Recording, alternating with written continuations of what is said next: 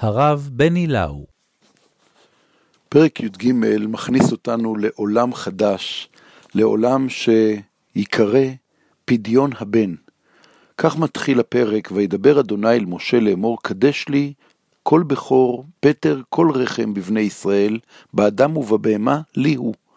ואז ממשיכים הלאה, מתארים את חג הפסח שוב, כמו שתיארנו אותו בפרק י"ב, וממשיכים הלאה, והיה כי הביאך השם אל ארץ הכנעני, כאשר נשבע לך ולאבותיך ונתנה לך, ועברת כל פטר רחם לאדוני, וכל פטר שגר בהמה אשר יהיה לך זכרים, לאדוני, וכל פטר חמור תפדה ושא, ואם לא תפדה וערבתו, וכל בכור אדם בבניך תפדה.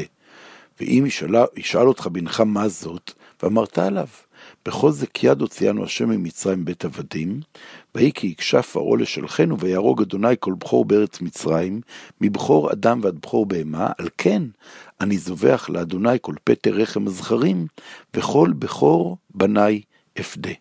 והיה לאות על ידך, ולטוטפות בין עיניך, כי בחוזק יד הוציאנו אדוני ממצרים.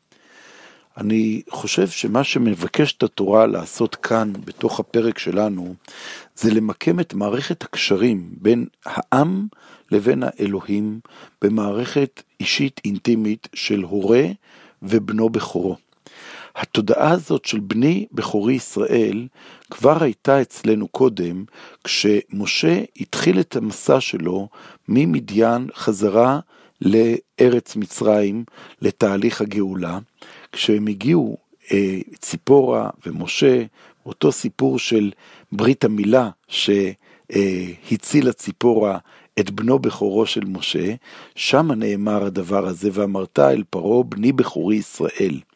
ואמרת אליו שלח את בני, ויעבדני, ותמאן לשלחו, הנה אנוכי הורג את בנך בכורך.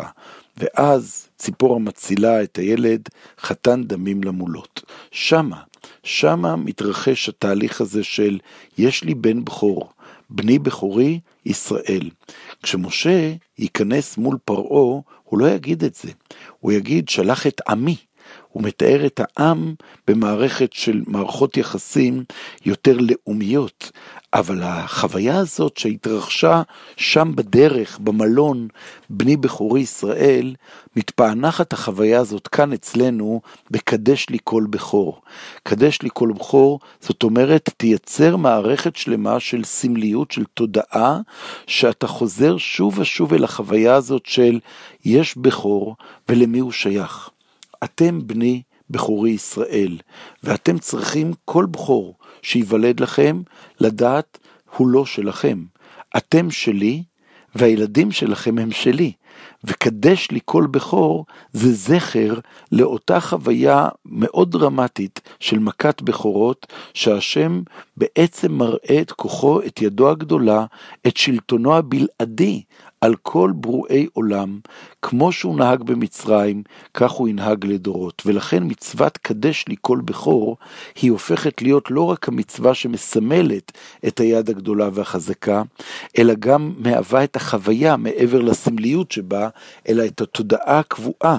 ולכן זה לאות על ידך ולזיכרון בין עיניך, התפילין שלנו. התפילין יספרו את סיפור קדש לי כל בכור. הפרשה הזאת תהפוך להיות מארבע פרשיות התפילין שמספרים את סיפור הקשר האינטימי של עם ואלוהיו. העם הזה הוא בני בכורי ישראל. הקשר של עם לאלוהים כבני בכורי מייצר תודעה זיקה של ילדים והורים. בשלב מסוים בהיסטוריה, הנקודה הזאת תיבחן על ידי הנביאים, וחלק מהם יבחרו לשנות את הדגם ולדבר לא על יחסים של הורים-ילדים, אלא על יחסים של איש ואישה, של כלולות, של קרבה ומרחק, של זוג שרוצה לחיות ביחד. אבל בשלב הזה של היוולדות האומה, של יצירת האומה, כאן ממש ברגע של טרום יציאת מצרים, מכריזים ממש ככה בהכרזה גדולה, בני בכורי ישראל.